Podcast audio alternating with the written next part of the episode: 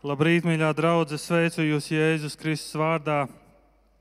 O, mani sauc Raimons, es esmu šī, viens no šīs draudzes eh, sludinātājiem.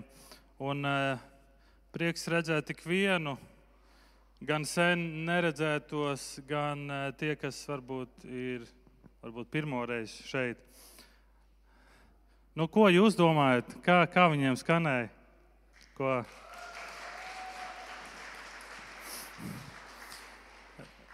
Viņiem ne tikai skanēja, bet viņi palīdzēja mums draudzēji pielūgt un slavēt Dievu caur dziesmām. Tā kā paldies, paldies jums, eh, mūziķis, ka mēs varam atvērt Dieva vārdu Mateja evaņģēlija 23. nodaļā.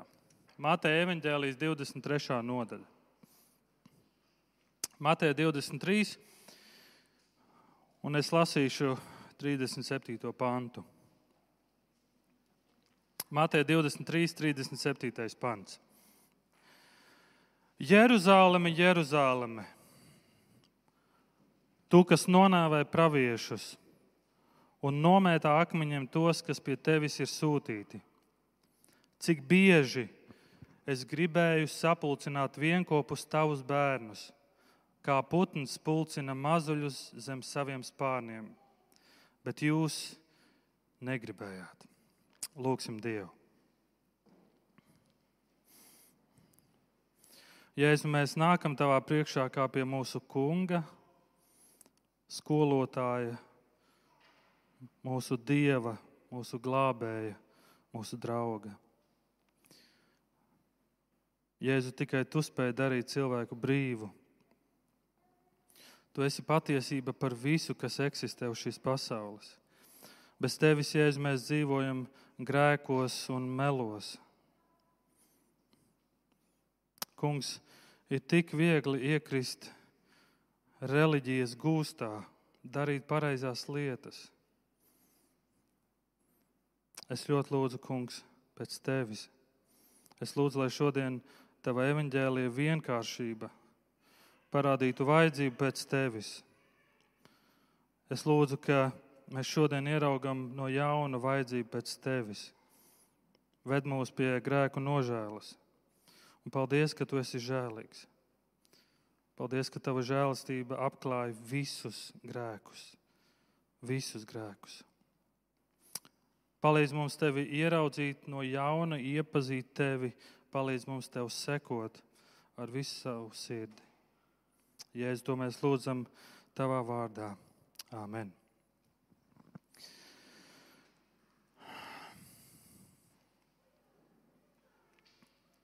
Šodien pasaulē mums ir jauns varonis. Ukrainas prezidents Volodimirs Zelenskis. Jūs zinājāt, ka viņa augums ir tikai 1,70 m. Bez, bez politiskās pieredzes citi viņu sauc par klaunu. Bet šodien viņš ir visapspriestākā persona pasaulē. Varonis, drosmes simbols. Un daudzi sevi šodien vēlas saukt par ukrāņiem. Mēs sakām, es esmu ukrāņš. Daudzi klausās viņa runās. Tās runas ir spēcīgas, runas iedvesmo. Viņa runas tulkotājiem sagādā lielas grūtības, jo runas ir tik emocionālas, ka paši tulkotāji ar kamoliem kaklā cenšas tās tulkot. Twitteris ir pilns ar, ar komentāriem un emocionāliem teikumiem. Vai pamostoties, es vēl dzirdēšu Zelenski? Latvijā sievietes viņu sauc par puķu zirnīti. Un kā citas sievietes raksta, vīri, vienīgais vīrietis, no kura pamostoties vēlos saņemt ziņu, ir Zelenskis. Bet gandrīz katrā Ukrainas prezidenta uzrunā ir dzirdams aicinājums slēdziet Ukrainas gaisa telpu. Slēdziet Ukrainas gaisa telpu. Ukraiņu tauta to ļoti labi apzinās, apzinās šo nepieciešamību pēc apsardzības. Slēdziet gaisa telpu. Kāpēc šis aicinājums, kāpēc šis sauciens katrā uzrunā? Tas viss ir ļaunuma dēļ. Tas viss ir kara dēļ. Es domāju, nē, es zinu, ka daudzi no mums, ka daudziem no mums 24. februāris ir izmainījis skatījumu uz pasauli. Iespējams, līdz 24. februārim tev likās, ka tavā dzīvē ir lielas problēmas, un pienāk 24. februāris, un tev šķiet, kas tās par problēmām. Tev, ir, tev bija tāda sajūta, man bija. Cits skatījums uz dzīvi, cita realitātes sajūta attiecībā uz ļaunumu. Un, kad Putins pasludināja kara sākumu Ukrajinā, tad mūsu ikdienā daudz kas izmainījās. Mēs ejam gulēt ar bailēm, vai arī mostamies ar bailēm, nezinot, ko nākamā diena mums atnesīs. Vai es esmu drošībā? Ko mēs darīsim? Vai mums ir plāns? Un tas viss tāpēc, ka mēs redzam, cik liels ļaunums plosās Ukrajinā. Karš bez robežām, bez likumiem, bez noteikumiem. Un tā vien šķiet, ka dēmoni ārdās šajā Ukraiņas teritorijā. Un tad tu lasi Twitteri, es lasu Twitteri vairāk kā ziņas, un tad tu lasi Twitteri un redzi cilvēku reakciju, un šķiet, bet tomēr ir cerība. Tu redzi to cilvēku reakciju uz to visu, kā cilvēki reaģē, kā cilvēki iesaistās. Liekas, tomēr cilvēcei ir cerība. Pretreakciju pret Putina kara darbību Atbalsts Ukrainai, oriģināls, reāls, praktisks atbalsts Ukrainas tautai, koncerti, mītiņi, ziņas, finanses, nosodījums, sankcijas. To visu lasot, šeit ir cerība. Mēs neesam galīgi apātiski pret visu, kas notiek. Mums sāp, mēs raudam, mēs iestājamies pret visu to, kas notiek. Mums ir cerība, vai ne? Ar mums nav tik ļauni. Mēs esam pret karu. Jā, mēs to saucam par karu. Un es nezinu, kā jums, bet iekšēji man ir tāda sajūta, ka es gribētu iznīcināt šo ļaunumu. Tev arī ir tāda sajūta. Es zinu, man ir kāds pazīstams cilvēks, kristietis, kurš dievam konkrēti arī lūdz, Dievs, iznīcini šo Putinu.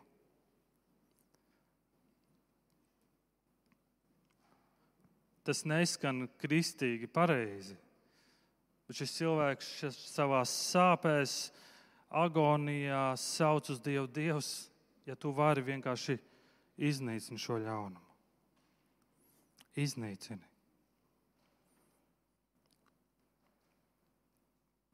Un tad ir šis aicinājums, ko mēs lasām Mateja 23. nodaļā. Vārdus, ko saka Jēzus. Cik bieži es gribēju sapulcināt vienopus tavus bērnus, kā putns pulcina mazuļus zem saviem spārniem. Cik bieži? Un lūk, Jēzus piedāvājums slēgt gaisa telpu. Ļauj man tevi pasargāt. Tikai es spēju tevi pasargāt. Kāpēc tu man neļauj? Bet tu jautās, pagaidi, pasargāt no kā? No kā Jēzu tu vēlies man pasargāt? Un lūk, kad mēs skatāmies, visa Mateja 23. nodaļa ir tāda vaimanu nodaļa, bēdu sauciens, ko saka Jēzus. Un liekas ļoti piemērota nodaļa. Cik daudz vaimanas mēs šodien dzirdam. Cilvēki kliedz pēc taisnības, asinis brēc uz Dievu.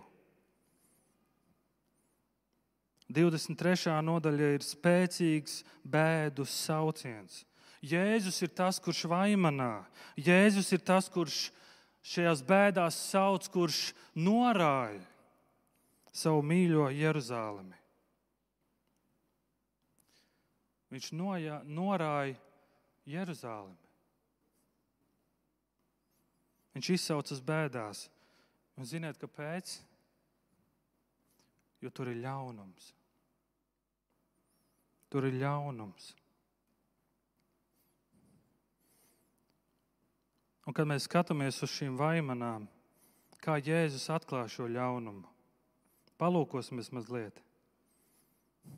13. pāns Jēzus saka, bet vai jums, rakstu mācītāji un farizēji, jūs liekuļi? Jūs aizslēdzat debesu valstību cilvēkiem, paši jūs neiet iekšā un neļaujat iet tiem, kas nāk. Kā farizēji aizver debesu valstības durvis citiem? Viņi koncentrējas uz ārējām lietām un aizmirst sirds stāvokli, aizmirst to, kas notiek iekšā. Viņi paši to praktizē un viņi to māca Izraēla tautai. Viņi ir Izraēla tautas skolotāji. Un tas, ko viņi māca, ka svarīgākais ir tas, kā tu izskaties no ārienes, bet nevis tas, kas notiek tavā sirdī. Un pats ļaunākais, kāpēc Jēzus tik stingri iestājas, ir viņi noraida Mēsiju. Viņi noraida Jēzu Kristu. Viņi noraida Jēzus pasludinātās valstības vērtības, sirds izmaiņas, nevis ārējā uzvedība. Cik viegli ir iekrist reliģijas gūstā. Mācītājs Tims Kellers, salīdzinot reliģiju ar evaņģēliju, saka šādi: Reliģija saka, dzīvo šādi, un Dievs tevi pieņems. Dari šo, un Dievs tevi pieņems. Tas ir mēģinājums paša spēkiem, saviem darbiem, labiem nodomiem, gudrību atstāt iespaidu uz Dievu un cerēt, ka Viņš mūs pieņems. Bet evanģēlijas saka, Dievs ir tevi pieņēmis Jēzu Kristu. Tu esi pieņemts Jēzu Kristu. Tāpēc dzīvo evanģēlīja cienīgu dzīvi. Evanģēlijas saka, Kristu tu esi pieņemts. Pharizēji uzliek smagas nastas cilvēkiem, kuri paši nespēj tās nest. 23. nodaļa, 3. pants. Visu, ko tie jums saka, pildiet un turiet, bet pēc viņu darbiem nedariet, jo viņi gan saka, bet paši nedara. Viņi uzliek smagas nastas, bet paši tās nenes. Es atceros kādu mācītāju, kurš ļoti spēcīgi sludināja par seksualitāti, par šķīstu dzīvi Un šī draudzene, es atceros, tajā laikā ļoti strauji auga. Pēc kāda laika atklājās, ka šīs mācītājs ir pārkāpis laulību ar kādu sievieti no draudzes. Tas satrieca daudzus, tas sašķēla draugu, tas atstāja tādas rētas daudzos, ka daudzi pārstāja iet uz baznīcu.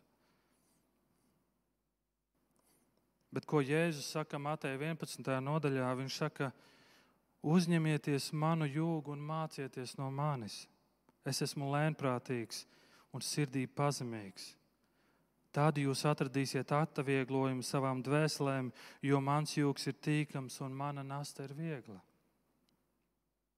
Un tad Jēzus turpina, un viņš saka, vai jums, rakstu mācītāji un farizēji, jūs liekuļu, jūs braukājat apkārt pa jūru un sauszemi, lai kādu pievērstu ticībai, un kad tas noticis, jūs padarāt viņu par elles dēlu divu tik ļaunāku nekā jūs paši.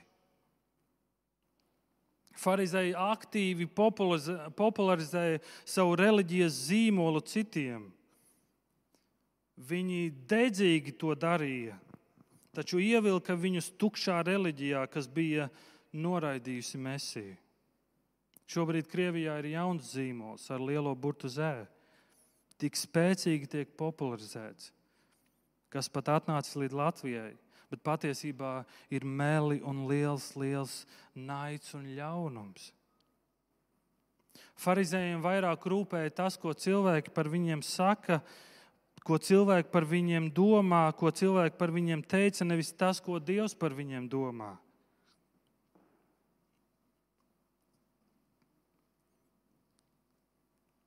Viņam nebija svarīgi, ko Dievs par mani domā. Viņam bija svarīgi, ko citi par mani saka. Un tāpat ir ar mums.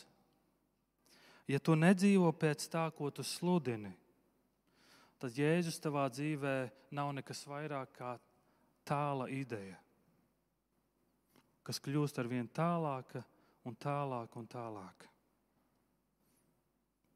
Jēzus vienmēr ir kustībā. Ja tu seko jēzum, tu nekad savā garīgajā dzīvē nepaliksi uz vietas, tu vienmēr augsi. Tu nestāvēsi uz vietas. Taču jo tālāk tu esi no Jēzus, jo vairāk tevi sāk ietekmēt tas, ko citi cilvēki saka par tevi. Un zini, kas notiek tajā brīdī? Tu sēdi savā tronī un ar visiem saviem spēkiem centies to nosargāt. Tu centies nevienu nelaist klāt, tu centies saglabāt savas pozīcijas. Un šodienas vārdiem sakot, vai tu spēj saskatīt to, cik daudz līdzības katram no mums ir ar Putinu? Kas tev ir svarīgāk, ko cilvēki domā par tevi, vai ko Dievs par tevi domā? Ko Dievs saka par to? Un tad Jēzus turpina un viņš saka, ka Vai jums aklie ceļa vadoņi? Jūs, kas mēdzat sacīt, ja kāds zvēr pie tempļa, tas nav nekas, bet ja kāds zvēr pie tempļa zelta, tad tas ir jāpilda. Un Jēzus šeit nostājas pret viņiem un saka, jūs aklie stulbeņi, jūs aklie, viņš to vairāk kārt atkārto šajā vietā, stulbeņi jūs. Jūs visu esat pārpratuši, jūs nesat sapratuši bet varbūt tomēr viņi saprot, bet viņi sevi attaisno.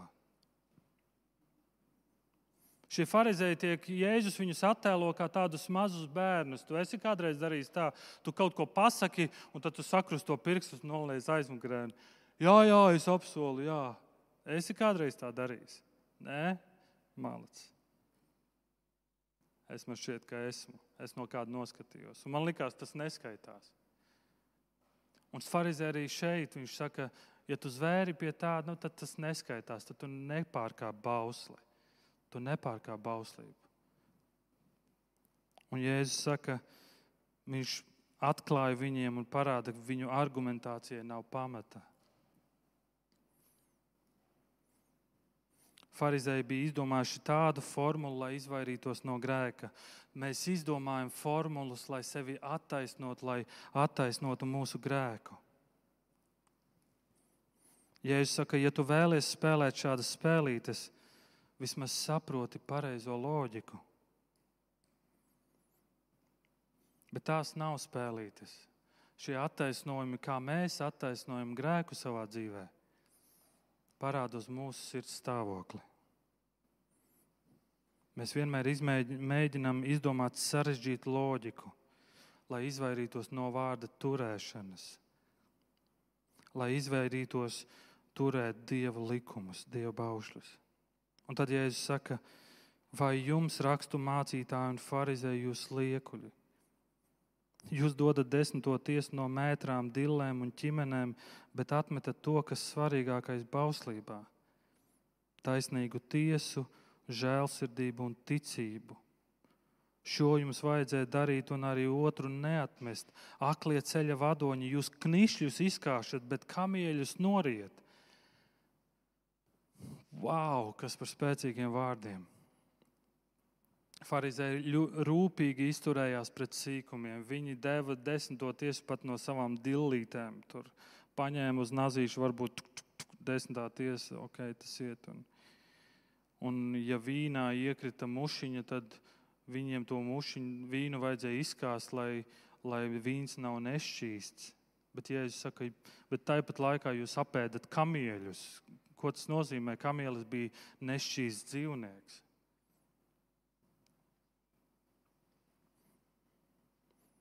Es varbūt esmu nežēlīgs pret citiem, bet es dodu desmito tiesu.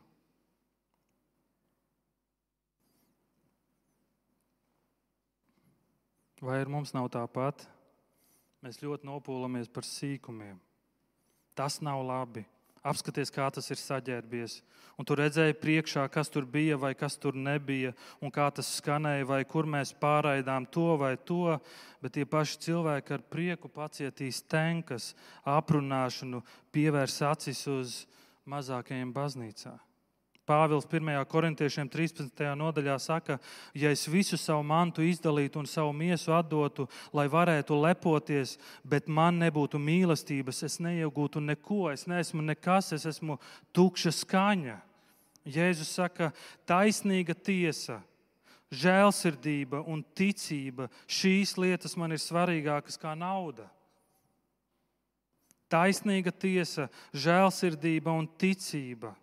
Šis ir daudz svarīgāk nekā visi ieroči un miljardi, ko mēs ziedojam Ukrainai. Zini, kāpēc? Jo ir iespējams ziedot naudu, bet no paša sevis nedot neko. Cilvēks, kas mīl taisnīgu tiesu, mīl žēlsirdību, mīl ticību, atdod sevi pašu. Viņš atdod sevi pašu. Un Jēzus ir tas, kurš mīlēja taisnīgu tiesu, mīlēja žēlsirdību, mīlēja ticību. Un tev vajag pierādījumu, viņš, ka viņš to darīja. Paskaties uz krustu. Paskaties uz krustu. 25. pants, Jēzus saka, vai jums rakstu mācītāji un farizēji jūs liekuļi? Jūs šķīstiet biķera un šķīvja ārpusi, bet iekšpusē ir pilna laupītkāras un izlaidības. Tik daudz viņi uztraucās par āršķirīgo, par ārējiem faktoriem, bet sirds ir atstāta novārtā. Ja jūs sakat, attīri savu sirdi, attīri to, kas iekšā iztīri pa priekšu iekšu, tad ārpuse būs tīra.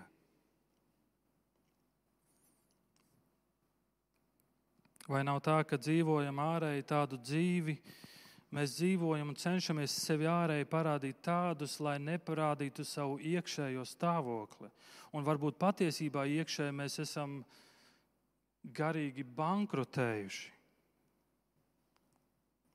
Krievija tam ir piemērs mazliet vērojot šīs lielās impērijas armiju bruņojumus, tā vien šķiet, ka visas 9. maija parādes nebija nekas vairāk kā izrādīšanās un patiesā stāvokļa slēpšana. Ka patiesībā valsts ir novesta līdz tādam līmenim, ka tur tūlīt būs bankrots.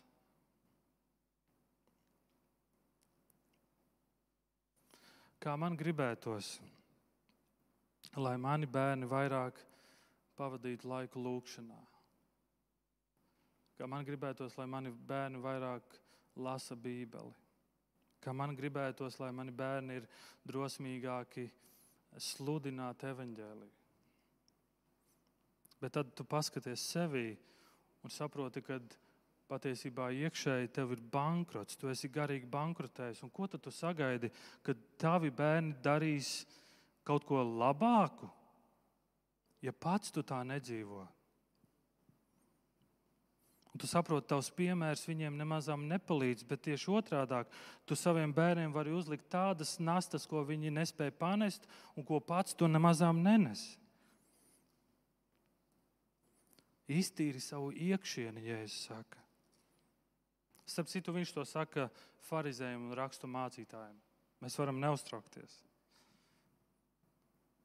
Un tad viņš saka, vai jums rakstu mācītāji un farizēji, jūs liekuļi, jūs esat līdzīgi nobalsinātām kapenēm. Kā tu justos, ja tev kāds teiktu, tu nobalsinātā kapene? No ārpuses izskatās skaistas, bet no iekšpuses pilnas miroņu kauliem. Būtībā līdzīga doma, ko Jēzus šeit vēlas norādīt ļaunums, kas ir farizējos. Tu pamani, viņš saka, ļaunums ir Jeruzalemes iekšienē. Ļaunums. Vai tu zini, kas ir farizēju nāves sakne? Tā ir neticība Jēzum. Jāņa 10. nodaļa, 10. pants. Jēzus saka, es esmu nācis, lai tām būtu dzīvība un būtu pārpārēm. Bez Jēzus mēs esam garīgi miruši, bez Jēzus iekšēji tur ir miroņu kauli un nekas cits. Un tad 29. pāns līdz pat 36. pantam Jēzus saka, vai jums rakstu mācītāji un farizēji jūs liekuļi, jūs ceļat kapenes praviešiem un izrotājat kapu pieminekļus taisnajiem, un šajās ceremonijās, ko jūs sakāt, ja mēs dzīvotu mūsu tēvu laikā, mēs nebūtu līdzvainīgi praviešu asins izliešanā. Tā jūs apliecināt, ka esat praviešu slepkavu bērni un savu tēvu mēru piepildāt līdz galam. Mēs jau tādi neesam. Ar mums jau tā nenotiks. Mūsu vēlme ir vienmēr sekot kādam līderim, kādam vadītājam. Mēs sekojam tik daudziem citiem. Mēs pielūdzam daudzus citus, bet ne tikai Jēzu. Bet tas nav Jēzus. Kā domā, kam šodien cilvēki grib sekot? Šodien mēs gribam sekot tādam līderim kā Zelenskis, ka pat citu tautu līderi sāk mainīt savu, savu apģērba stilu. Nu, kā piemēram Francijas prezidents Makrons. Mans mērķis nav celt debesīs Zelenski, bet savā inaugurācijas uzrunā viņš teica spēcīgus vārdus: Nelieciet pie sienām manu bildi, bet lieciet savu bērnu bildes un skatieties uz tām katru reizi, kad pieņemiet lēmumus. Neliec pie sienām citu vadītāju bildes, skaties uz Jēzu, un Jēzus tev pat neliek likt viņa bildi pie sienas. Viņš saka, es savu vārdu gribu ierakstīt tavā sirdī. Skaties uz mani pirms pieņem lēmumus savā dzīvē. Kad tev ir svarīgs lēmums, skaties uz Jēzu, lūdz to Jēzumu, jautā to viņam. Viņš ir tavs vadītājs. Viņš grib iznīcināt šo ļaunumu, kas notiek apkārt, ļaunumu, kas notiek Ukrajinā, ļaunumu, kura dēļ mēs lūdzam, mēs raudam, mēs pārdzīvojam, mēs baidamies, mēs lūdzam, lai Dievs iestājas. Bet vai tu esi lūdzis par ļaunumu, par to ļaunumu, kas ir tevī? Vai tu esi pamanījis šo ļaunumu, kas ir tevī? Mēs pārmetam mūsu vadītājiem, mēs sakām, kāpēc viņi vilcinās. Kāpēc viņi vilcinās ar lēmumiem? Uzreiz to vajadzēja izdarīt. Kāpēc viņi vilcinās ar sankcijām? Un tad tu paskaties uz sevi un tu saproti, mēs esam pilnīgi tādi paši. Mēs vilcināmies, mēs rēķinām. Mēs gribam pieņemt lēmumus, kur ir vismazākais risks. Mēs dzīvojam dzīves ar vismazāko risku. Mēs pārmetam Putinam un, un tai Krievu tautas daļai, kas atbalsta šo karu, bet kā ir ar mums pašiem? Mēs vēlamies darīt to, ko cilvēki pamana, bet vai tu esi darī, gatavs darīt to, ko cilvēki nepamana? Neuzņem bēgļus savā Instagram bilžu dēļ, vai tikai tāpēc, lai citi to zinātu, kādu varoņu darbu tu esi paveicis.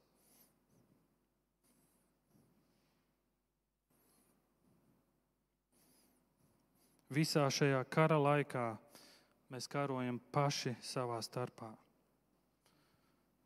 Mēs apmelojam, mēs izsakām melus, mēs apsūdzām, mēs sējam melus, mēs sējam maldu teorijas, kurām beigās paši noticam. Un izrādās, šis ļaunums mūsos ir tik liels, ka mēs nezinām, kā vairs ar to cīnīties. Un tas, ko mēs varam darīt, mēs varam slēpties aiz skaistiem vārdiem, aiz skaistiem smaidiem, aiz, aiz labiem darbiem. Nepārprotiet, es nesaku, ka labie darbi nav vajadzīgi. Tie ir nepieciešami. Un tā ir laba zīme, un mums tas ir jāturpina. Bet es domāju, ka daudzi dara to tāpēc, ka jūtas vainīgi. Mēs daudzas lietas darām, mēs ejam palīgā, jo mēs jūtamies vainīgi. Šis karš parāda mūsu pašu vainu. No augstākiem plauktiem līdz zemākiem, no līderiem līdz mums pašiem. Ar interesi vēroju, kādas vēl publikācijas mēs lasīsim ziņās. Ko kura valsts ir pārdevusi Krievijai laikā, kad Krima tika anektēta? Kad laikā, kad tika uzlikts embargo.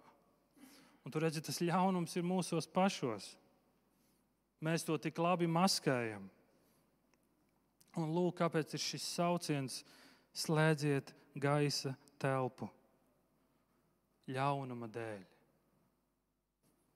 Tā ļaunuma dēļ, kas ir visapkārt, bet arī tā ļaunuma dēļ, kas ir mūsos pašos. Jēzus saka, cik bieži es gribēju sapulcināt vienopus tavus bērnus. Kā putns pulcina mazuļus zem saviem spārniem, bet jūs negribētu. Jūs spējat iedomāties šo ilustrāciju, kā citos tulkojumos ir kā vista savus cālīšus pasargā zem saviem spārniem. Tik līdz lido ienaidnieks, vista uzreiz paziņo, mazie cālīši saskrien zem, zem spārniem un ir drošībā. Un, ja es saku, cik bieži Lūkas 19, 41. pants, Jēzus skatās uz Jeruzalem un saka, ak, kaut tu šodien būtu sapratusi, kas nes tev mieru, kaut tu būtu to sapratis. Jēzus skatās uz Jeruzalemi un viņš raud.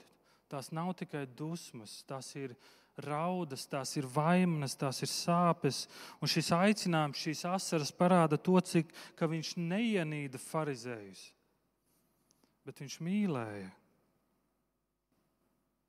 Kad mēs grēkojam, Dievs mūs neienīst. Viņam ir sāpes par to, ko viņš redz, kas ar mums notiek. Jēzus Jeruzalemi gribēja pasargāt kā vista savus cālīšus.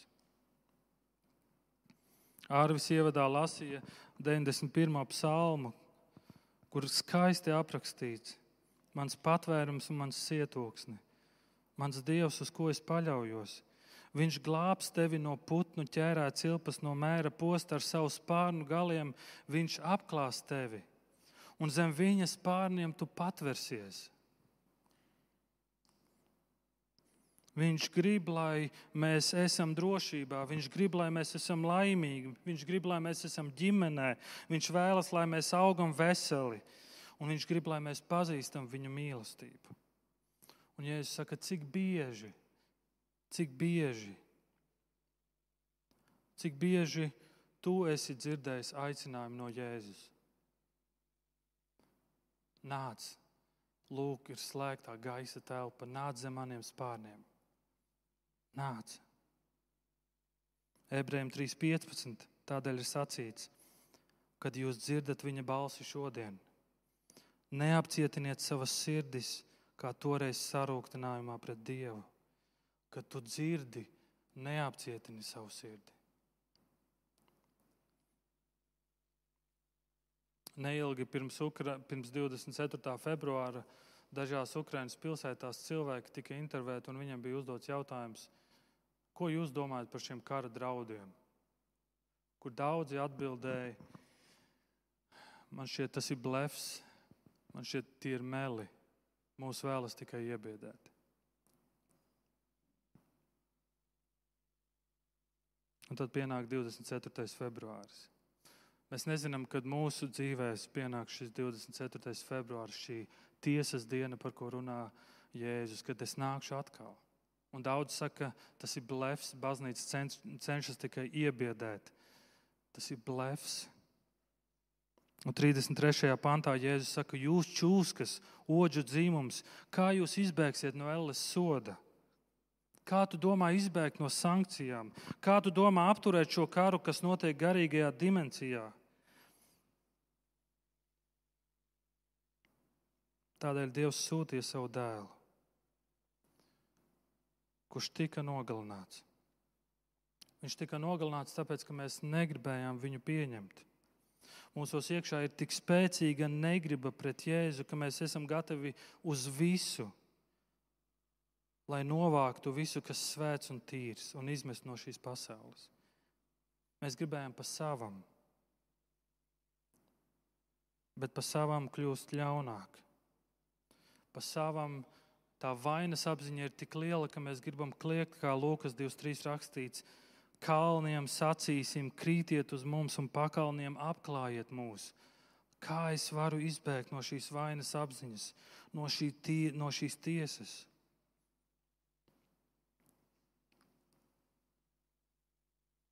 Tāpēc, kad tu dzirdi šodien aicinājumu nāc, 12. pāntā, 23. nodaļā, ja es saku, tāpēc pazemojieties. Pazemojieties. Nāc un patveries zem viņas pārniem. Nāc un patveries. Mēs negribam, mēs negribējām, bet viņš grib. Mateja 8. nodaļa, un redzi, kāds spitālīgais pienāca klāt, pienāca klāt, nometās ceļos viņa priekšā un sacīja: Kungs, ja vien tu gribi, tu vari mani šķīstīt.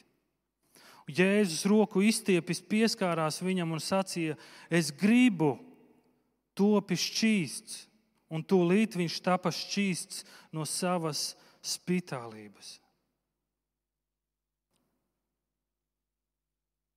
Es tik bieži gribēju jūs savākt kā vista savus cālīšus, bet jūs negribējāt.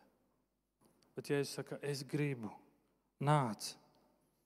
Jēzus Kristus, mans kungs un glābējs, mans skolotājs un mans draugs. Viņš nekad neslēpsies bunkurā. Viņš nav aizbēdzis ar kaudzi bagātībām un atstājis mūs vienus. Viņš pazemoja sevi, kļūdams paklausīgs līdz nāvei, līdz pat krusta nāvei. Un Jāņa pirmajā mēs lasām, viņš nāca pie savējiem, bet tie viņu neuzņēma. Tiem, kuri viņu uzņēma, kas ticēja viņa vārdā, viņš ļāva kļūt par dieva bērniem. Savējie viņu neuzņēma, bet viņš bija starp savējiem. Viņš mīra savējo dēļ. Kāpēc? jo viņš tic īstai brīvībai. Viņš vēlas mūs vest uz vietu, kur nav asaras, kur bumbas nekrīt no debesīm, kur neielaužas tavās mājās ar ieročiem, kur vairs nav ne krievu, ne ukrāņu, ne latviešu, ne franču. Visi ir Kristu, brāļi un māsas. Cik bieži Es gribēju sapulcināt vienopus tavus bērnus, kā putns pulcina mazuļus zem saviem spārniem, bet jūs negribējāt. Jēzus šodien mūs aicina nāc šajā slēgtajā gaisa telpā, nāc zem viņa spārniem. Manu sirds bija izdarīt tādu lietu, ko es līdz šim ko mēs sen Vīlandē neesam darījuši. Mūziķi tagad nāks virsū, šeit uz skatuves viņi spēlēs kādu dziesmu.